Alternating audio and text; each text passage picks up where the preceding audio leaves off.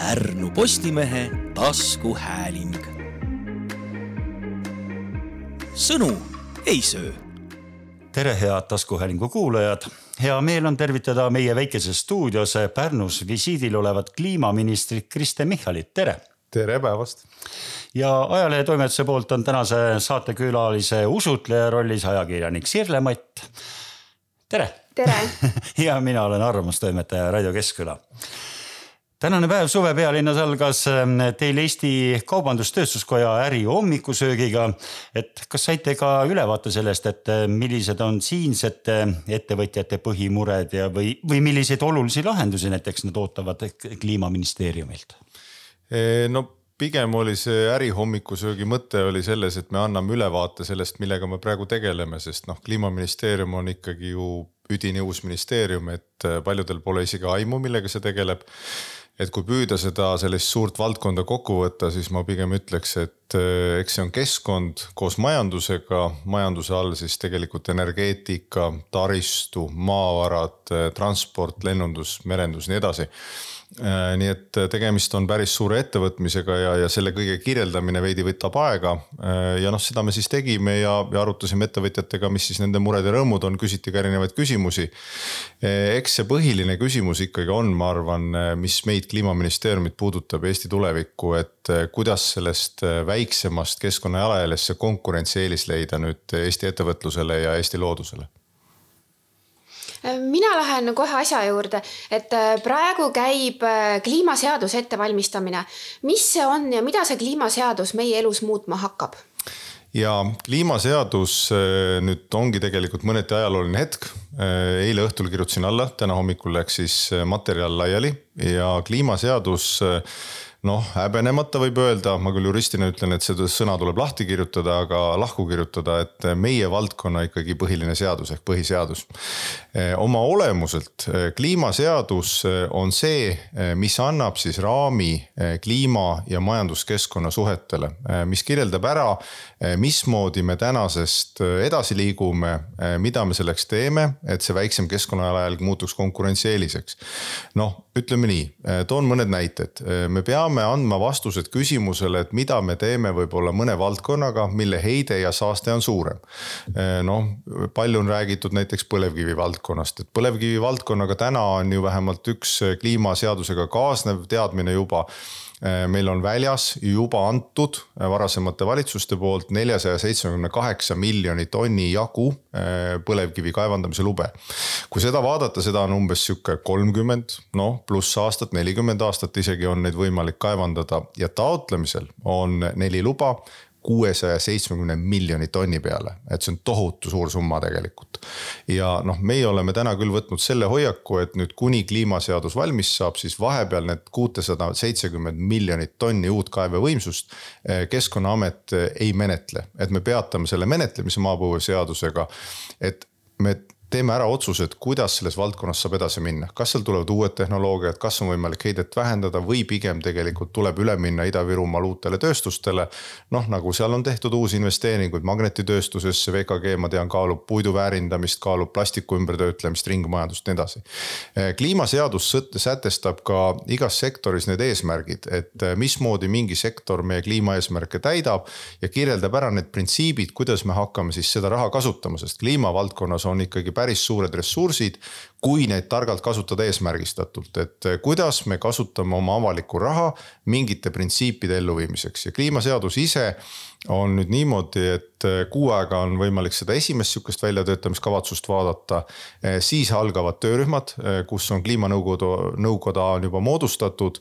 kliimanõukogu on moodustatud, seal on suur hulk erinevate ülikoolide, teaduskonna esindajaid.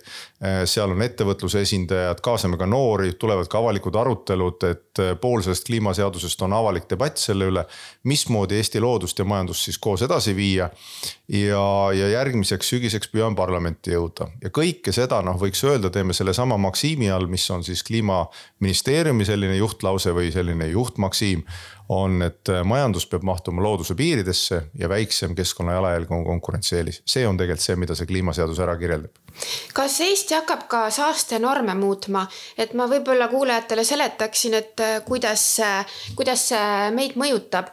et Eestis on näiteks eriti peente osakeste puhul, mis siis tulevad peamiselt tahkekütuse põletamisest, on piirnormiks praegu kakskümmend viis ühikut. näiteks maailma Terviseorganisatsioon on öelnud, et tegelikult mõjutab inimese tervist juba äh, üle viie ühiku ja hiljutine uuring äh, Pärnu, no tegelikult see uuring tehti kogu Eesti kohta, siis äh, tuvastas, et ainuüksi Pärnu linnas sureb õhusaaste tõttu enneaegu viiskümmend seitse inimest.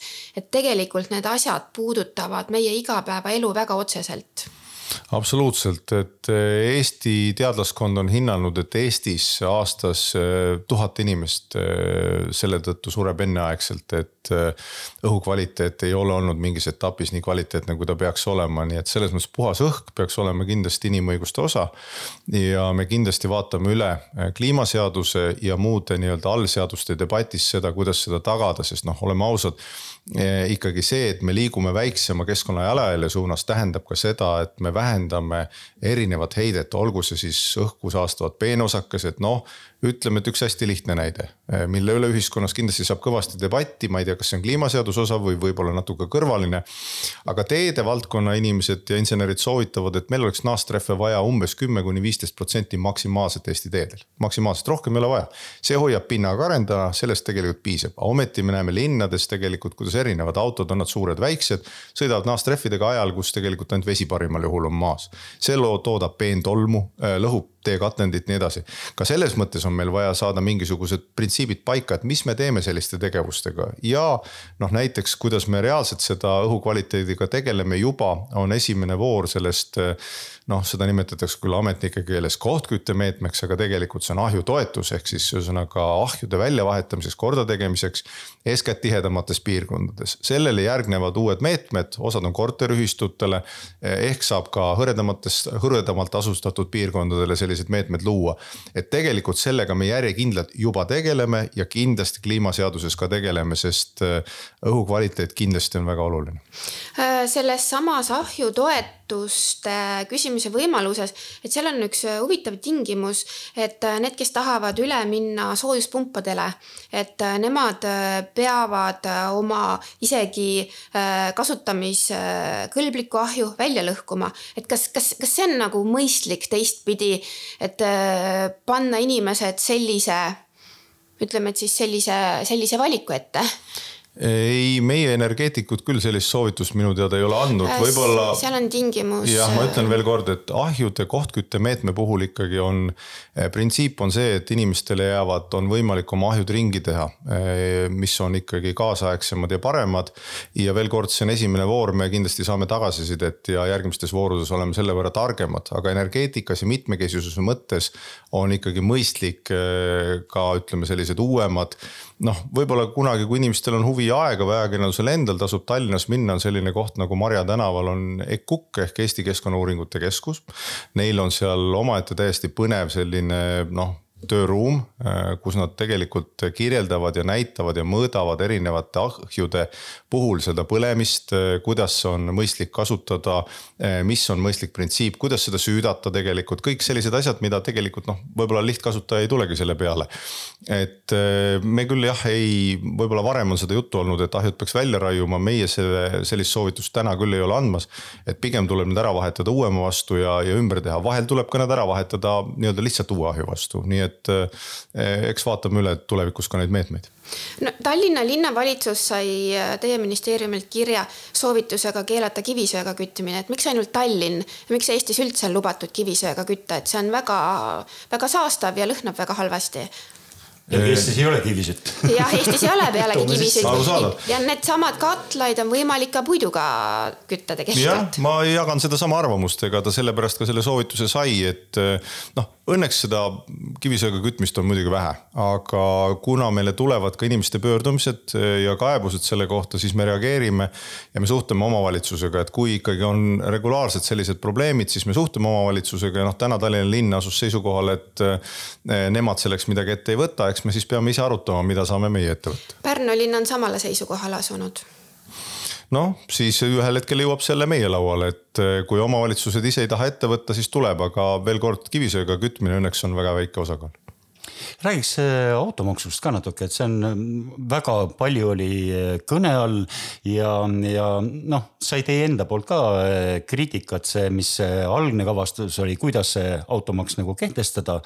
aga samas mul on nagu endal tunne, et see väga okei okay maks selles mõttes, et, et see, kui ta õieti rihtida, siis see just peakski meie keskkonda nagu parandama või, või, või kui, milline teie vaade on? No meie vaade on algusest peale olnud, et kui automaksu või mootorsõidukimaksu teha, siis ta peab ikkagi eeskätt olema just selle keskkonnaeesmärgiga, noh, mis või kliimaeesmärgiga, ega noh, tuleb tõtt tunnistada, ega meie puhul see pole ka üllatus, et me sellise seisukoha võtame, et eh, oleks väga veider, kui me teistsuguse seisukoha võtaks või jätaks võtmata. ja juba, kui seda maksu asuti kavaldama, isegi mitte sisustatuna, vaid lihtsalt öeldi, et tuleb mootorsõidukimaks, siis me ütlesime, et me hea meelega räägiks kaasa, panustaks sinna, eh, annaks oma kliimavaate. Eh, rahandusministeerium ütles, et nad teevad oma valikud valmis ja see on loomulikult on nende õigus, mul ei ole etteheidet selle koha pealt, nad tegid oma valikud valmis, nad esitasid need välja. meie siis andsime oma tagasiside et eh, ma arvan, et eks need pealkirjad tihtipeale on dramaatilisemad kui asi ise, sest eh, meie kiri siis ka algas sõnumiga, et me toetame mootorsõidukimaksu tulemist kui keskkonnainstrumenti, et see selleks. jah, see aga... mõju, mõjutaks nagu selles mõttes käitu-, meie kõigi no, käitumist, et see on nagu normaalne. aga ta peab mõistlikult tehtud olema, et selles mõttes selle mootorsõidukimaksuga ja noh, ma ütleks praegu mul on küll rahandusministriga väga hea kontakt selles küsimuses ja meie ametnikel on hea kontakt. et mootorsõidukimaksu olemus peaks ikkagi olema see, et et äh, Eestisse ei tule juurde liiga saastavaid autosid ja tegelikult ka siin inimesed kaaluksid ikkagi et noh, see maks küll ei ole nii tohutult suur, et see igapäevavalikut nüüd kohe muudaks, aga eh, ta ikkagi suunaks vaikselt auto eh, kasutust ja, ja läbimõeldult sellises suunas, et ma ikkagi mõtlen väiksema heitmega transpordi peale. just sellest samast, mida me siin alustasime, sedasama debatti, et linnas oleks õhk puhtam, mujal oleks õhk puhtam. noh, kasvõi need väiksed näited ja, ja noh, praegu on jõutud sinnani, need debatid käivad et kahekümne neljandal aastal see maks kehtima ei hakka, see tähendab seda, et meil on rahulikult mõned nädalad või kuud aega seda debateerida, see on minu meelest hea valik. Ja, ja rahandusministeerium, kes seda nii-öelda maksuteemad on nende vedada, on ka öelnud, et nad võtavad arvesse äh, neid ettepanekuid ehk suunavad seda maksu siis rohkem kliima ja keskkonna printsiipide suunas. mis on ka ühiskonnale, ma arvan, arusaadavam, nii et äh, kokkuvõttes ma ütleks, et äh, igas sellises mõtestatud debatis võib sündida parem lahendus, mulle tundub, et siin praegu on see parem sündimas aga veel kord püüame enne nagu jõuda selle konkreetse nii-öelda tekstini, sest äh, juristina ma hea meelega vaataks selle enne üle ja siis ütleks eks seal muidugi teine keeruline pool on, et, et mille pärast nagu südant valutatakse, et ja on väga palju ka automaksu vastased nagu kõnelenud just sellepärast, et see võib puudutada nagu maal elavat vaesemat elanikkonda, kellel tõesti on see auto hädavajalik, et, et. aga noh, kuidagi peab reguleerima, et ma samas mõistan, et see mõjutaks meie käitumist küll ja, ja, ja looks mingit positiivset nagu, positiivset äh, keskkonda meie ümber või, või, või meie käitumist muudaks? no eks ta üks osa on, et eh, noh, ütleme nii, et ehm, noh, meie püüame kliimaministeeriumis, meil on selline eesmärk, et me püüame oma otsuseid nii palju kui võimalik eh, teha erinevate mõõtmiste ja teadmiste põhiselt. ega selle kliimaseaduse noh, korraks tagasi minnes, kliimaseaduse printsiip on ka, et me sõnastame nõuded vahendid ehk rahad, mida tegelikult meil on selleks avalikud vahendid ja, ja tarbijavõime ja me paneme sinna juurde selle mõõdu, mis on see mõõde sellele CO2-le või heitmele. ja ega heide ei ole siis ainukene asi, mis tegelikult kliima vaatest mõõta. ja samamoodi on ka automaksuga, kõige muuga, et ega need otsused ja printsiibid peaksid sellest sündima. linnades näiteks luuakse ju oluline osa tegelikult sellest heitmest, eks ju, et linnalised piirkonnad on kõige raskemad. ja sellele automaksuga samaaegselt peab toimuma ka linnalise liikuvuse mõistlikumaks muutumine, sellepärast et kui inimestel on eh, noh, võimalik valida töötava, puhta ja regulaarselt sõitva ühistranspordi või mitme auto omamise vahel näiteks peres, siis tegelikult on, tekib mingi reaalne valik. kui seda ei ole, siis ei teki seda valikut, siis on inimesed hädas ja ainult siis saame loota, et nad valivad nagu vähem saastavama sõiduki, nii et tegelikult eh, noh, nii palju kui avalik sektor töötab, me peame töötama mitmes suunas, me peame hoolitsema ka sellest, et avalik transport oleks võimalikult kättesaadav ja võimalikult mugav ja tegelikult selle transpordi vahetamine oleks ka samamoodi, et noh, lihtne näide siin nüüd umbes kuu tagasi, täpset kuupäeva ei, peast ei ütle, äh, eraldasime Tallinnale, Tartule ja ka Pärnule äh, hulga raha erinevate rattateede ja liikluslahenduste ümbertegemiseks. Pärnu, Tartu ja Tallinn kõik said kaksteist miljonit selleks ja Tallinn sai nelikümmend miljonit ka trammiprojektide jaoks, nii et see on lihtsalt üks detail aga selliseid samme tuleb astuda, et jõuda parema võimaluseni, kuidas inimesed liikuda saavad, et auto võib-olla ei oleks eriti suuremates ja suurema heitmega piirkondades ainus valik aga mida siis teha, et kohalik omavalitsus äh, riigiga sama sammu astuks? et äh, ma toon siin näite äh, näite, et näiteks prügi sortimine kohustus, et see on juba tegelikult paberi peal kestnud aastaid aga praktikasse ta ei ole väga jõudnud, et mõnda aega tagasi äh, näiteks Pärnu linnas vaid neljakümnel protsendil korteriühistutel oli oma pakendikontseiner. eramajad ei pea üldse oma ukse tagant pakendeid üle andma. samas uuringud on selgeks teinud, et kõige puhtamad pakendid, mida on võimalik siis taaskasutusse suunata, saab just sel viisil kätte. samal ajal need avalikud pakendikonteinerid, nad kuhjuvad üle, linnainimesed on pahased. et äh, kuidas seda probleemi lahendada, et ma saan aru, riigil on siin tahe, aga omavalitsused ei tule selle tahtega kaasa või, või kus see probleem on? No ma ütleks niimoodi, ma loodan, ma ei tee nüüd ülekohut kellelegi varasemalt ja ma püüan seda kindlasti mitte teha, et eh, jäätmevaldkond on veidi võib-olla olnud eh, pisut selline nagu vaeslapse rollis, ütleme, et Eestis, et noh, suur osa asjadest on ära tehtud ja, ja võib-olla siuksed lihtsamad asjad on ära lahendatud ja ei paistagi nagu hullu, aga samas me täna tegeleme jäätmereformi Äh, sisulise sõnastamisega ja, ja me jäätmereformiga tuleme nüüd lähiajal avalikkuse ette, kus kirjeldatakse ära ka erinevad küsimused. Äh, lähitulevikus meil paistab jäätmete valdkonnas äh, muresid noh, laiemalt näiteks plastikuga. noh, kui tuua võib-olla kuulajatele näide või, või lugejatele näide, siis sellised asjad, millel on hind ja majanduslik number ehk noh, näiteks pandipakend, nii edasi. Need ju korjatakse kenasti kokku, veel lihtsam näide, mis töötab hästi majandusliku loogika alusel, on see, kui Tallinna Lauluväljakul toimub Rammsteini kontsert ja siis hiljem toimub laste, noorte laulu- ja tantsupidu ja noorte laulu- ja tantsupeol on nendele topsidele, kardu kasutatud topsidele tagastusraha kaks eurot, eks ju. topsi jäävedelema, ma viin ise ka selle topsi ära, kui see seal on, eks ju, kui ära läksid peolt, oli ülipuhas plats, mingit probleemi ei olnud. et ma kirjeldan pigem seda, et majandusliku loogikaga ja läbimõeldusega saab päris head tulemused. nüüd jäätmevaldkonnas me igal juhul korraldame seda veidi ümber. täna on ikkagi jäätmevaldkonnas on asjad veidi eh, valet pidi. kui vaadata seda jäätmepüramiidi tervikuna, siis tipus peaks olema see, et jäätmeid ei tekiks tekkimisest, jäätmete tekkimisest hoidumine. seejärel on ringmajandus, seejärel on põletamine, seejärel on ladustamine. aga meil on, nagu Kai Realo ühe hea loo kirjutas, on tegelikult lihtsam ladestada ja põletada, kui ringmajandusse või sellest hoiduda. me püüame ikka nüüd astuda samme, et meil on äh, sada pluss miljonit tegelikult selle jäätmereformi läbiviimiseks, veidi rohkemgi ja meil on võimalik ka neid reegleid muuta selleks, et äh, tekiks see olukord, et äh, jäätmed läheks ringmajandusse, noh nagu ma enne kirjeldasin, tuleviku ringmajanduse võimalus noh, näiteks Ida-Virumaal, see ei ole ju kuidagi saladus, VKG kaalub eh, plastiku ringtöötlemise tehase rajamist, mis sisuliselt töötleks ringi pool Eesti plastist, aga plastiga meil tekibki esimesena kohe suur probleem numbrites juba. nii et eh, jah, jäätmereformiga me tegeleme ja sealt tuleb selline terviklikum kontsept ka, noh, ma arvan, lähikuudel. kas see jäätmereform tähendab ka seda, et sortimise reeglid üle Eesti ühtlustuvad, sellepärast et see on üsna ebanormaalne, kui siin Pärnu noor inimene kodus peab ühtesid reegleid täitma, läheb Tartusse ülikooli, seal on hoopis teised reeglid no ma olen teiega nõus jah, et äh, reeglid peaksid olema võimalikult lihtsad, intuitiivsed ja, ja seal on ka jah, tihtipeale ma tunnistan, et äh, isegi vesteldes jäätmete valdkonnas harituma kolleegiga, kas pakist pakend, pakend peab minema ühte topsi või teise, see vahel põhjustab vestlusi. Eh, nii et jah, see peaks olema lihtsam ja üks märksõna siia juurde, mis on kogu selle nii-öelda rohereformi tegelikult üks nurgakivi ja milles Eesti on päris nagu kõva, minu meelest on kogu see digitaalsus selle juures. tegelikult peaks olema ka ülevaade sellest, et noh, digitaalsed abimehed selliste asjade tegemiseks ja ka ülevaade, kuhu see jäätmed lähevad, mis neist saab, tegelikult inimesed usaldaks seda, sest üks osa sellest reformist on ka arusaamine seda, miks sa seda teed, kuhu see läheb.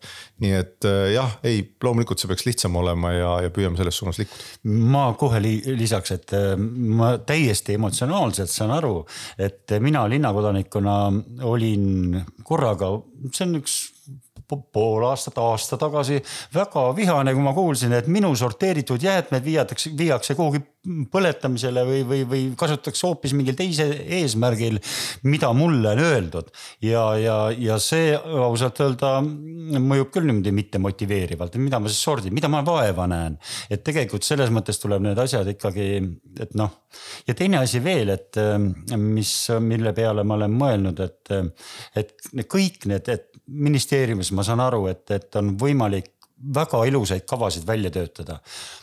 aga kui palju sellest jõuab ka nagu tegelikku praktilisse kasutusse, et kas selle, selle suunamine, selle noh, kasvõi nendest omavalitsustest oli juttu, aga noh, ka iga inimese endani, et kuidas see jõuaks või kas noh, ma loodan, et teil on nüüd kliimaministeeriumi näol ja selle ka uue kliimaseaduse näol nagu mingi hea plaan selleks kindlasti on, et Eh, noh, ma ütlen, et ega me ei tee ka kavasid, ei tee ju vaakumis, et meil ei ole mõtet istuda laua taha, mõelda kabineti väikuses, vaikuses välja suure pärast kava, millega ei ole reaalses elus midagi teha, et see oleks küll üks väga kole värk, aga, aga eh, jah, ikkagi mõttega näiteks jäätmetega on ikkagi nii, et see printsiip peaks olema, noh, me sõnastame selle jäätmereformi tegelikult. Eh, see maksiim või see pealkiri sellel on jäätmed kui ressurss, et noh, me üritame sellele luua ka teatava majandusliku loogika sinna taha ja ka tegelikult inimestele sõnastada selle nii, et kes hoolega sorteerib, selle jaoks muutub vähe.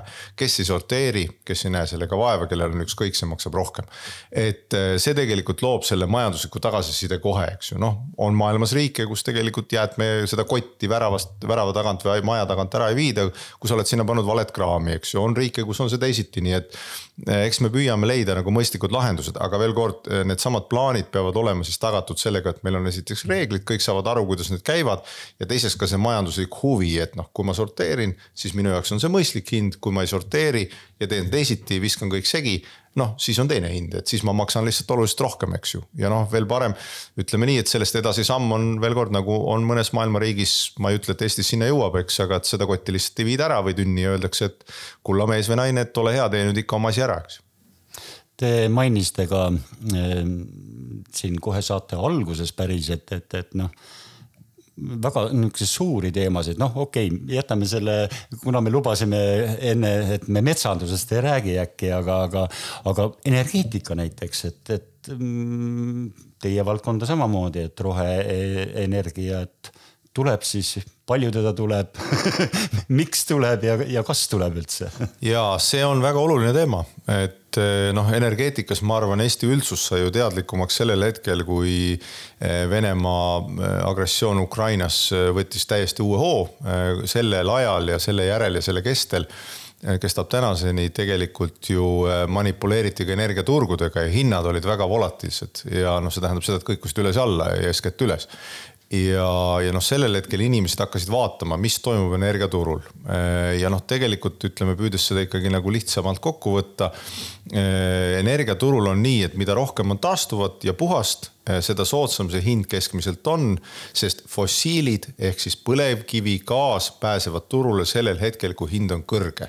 nii et seetõttu äh, ütleme nii, et meie eesmärk peab olema jõuda selleni, et Eesti inimestel, Eesti tööstustel, Eesti ettevõtetel on see soodne ja puhas energia olemas, see on kooskõlas ka kliimapoliitikaga, hea ka rahakotile. Äh, nüüd, mida selleks tehakse, noh, me oleme võtnud Eestile eesmärgi, et aastaks kaks tuhat kolmkümmend sada protsenti Eesti summaarsest elektri tarbimisest on tagatud taastuvenergiaga. kas me sinna jõuame? ma arvan, et me jõuame sinna.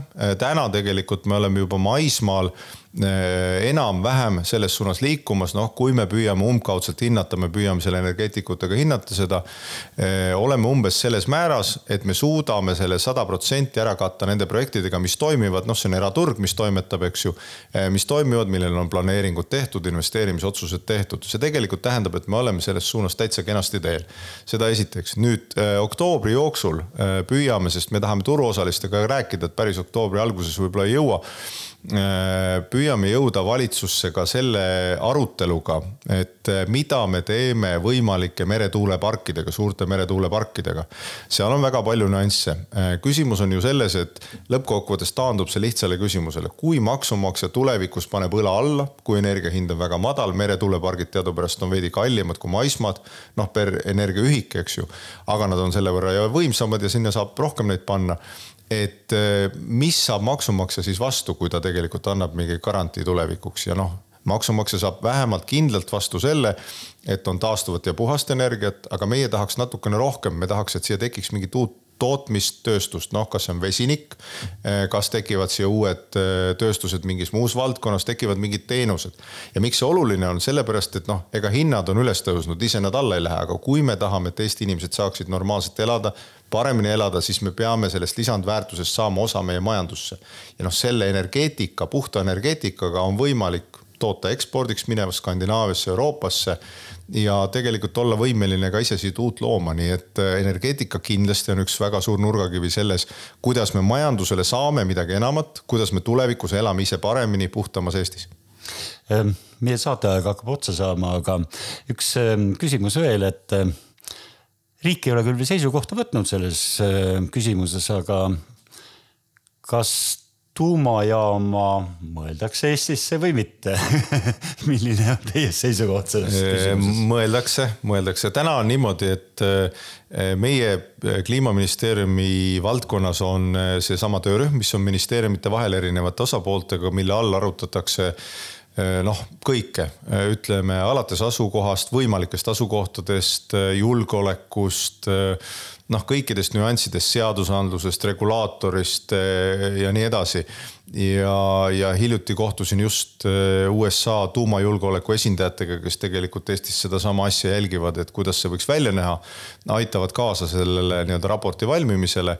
see raport valmib detsembriks see tähendab seda, et ilmselt jõulude ajal, noh, ma loodan, et eh, pered ei hakka omavahel eh, seda nii-öelda tuumateemat ilmselt arutama, aga võib-olla hakkavad. Eh, ilmselt jaanuarist, veebruarist hakkab siis see nii-öelda debatt peale ja, ja noh, meie põhiline nii-öelda eesmärk, mida meie enda poolt suudame pakkuda, on, et tuumaenergeetika debatt oleks teadmistepõhine, mitte emotsioonide põhine.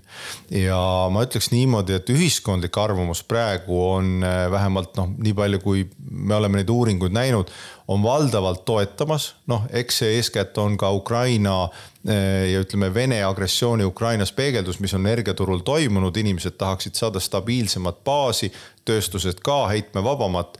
ja noh, Soomes ka tegelikult Olkiluoto kolm nüüd tegelikult töötab, eks ju. loodame, et töötab kaua ja vigadeta, et see on väga nagu mõistlik baas, eks ju. et eh, ma ütleks jah, et ühiskond on eh, täiesti nagu vastuvõtliku meelega selles, aga eh, jätaks emotsioonid kõrvale ja püüaks teadmistepõhiselt selle ära teha. Eh, debati ära pidada, et eh, kohe, kui me saame selle raporti valmis, me hea meelega jagame ja ja siis ta läheb avalikuks ja siis saab seda debatti pidada, nii et ilmselt jaanuaris siis see arutelu algab. aga sellega on meie saade täna otsa saanud, et äh, mina tänan teid. kliimaminister Kristen Michal oli meil siis täna külas ja samuti ajakirjanik Sirle Matt ja mina olen äh, arvamustoimetaja Raido Keskküla. Kuulmiseni. Pärnu Postimehe taskuhääling. sõnu ei söö